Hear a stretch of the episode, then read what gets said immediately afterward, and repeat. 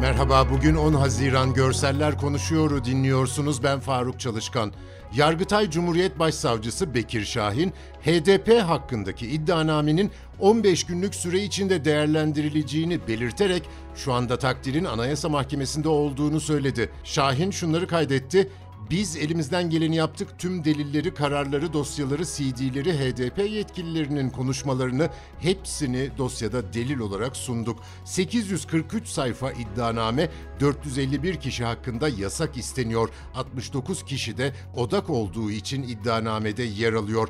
451 kişi hakkında siyasi yasak istiyoruz. Artı iddianamede partinin banka hesabına tedbir konulmasını talep ettik. Marmara Denizi'nden iki günde 392 metreküp müsilaj toplandı. Marmara Denizi eylem planı kapsamında İstanbul, Kocaeli, Bursa, Balıkesir, Çanakkale, Yalova ve Tekirdağ illerinde belirlenen 31 bölgede temizlik çalışması yapıldı. Kadıköy'den fotoğraflar var. Denize bir karış yükseklikte bir platformun üzerinde görevliler çok kalın bir hortumu denizin yüzeyindeki müsilajın arasında gezdiriyor. Bir başka fotoğrafta denizin üzerine plastik bir yüzer platform kurulmuş. Hortumlar salya şeklindeki kiri emiyor.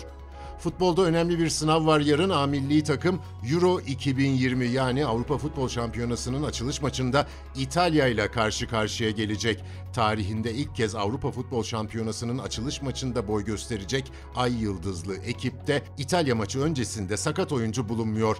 Kuzey Yarımküre'de gökbilimcilerin ateş çemberi olarak adlandırdığı 2021'in güneş tutulması gerçekleşti.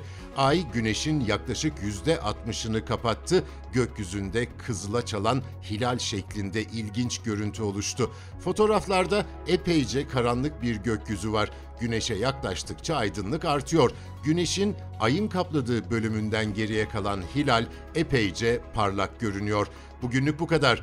Bizi hangi mecrada dinliyorsanız lütfen abone olmayı unutmayın. Hoşçakalın.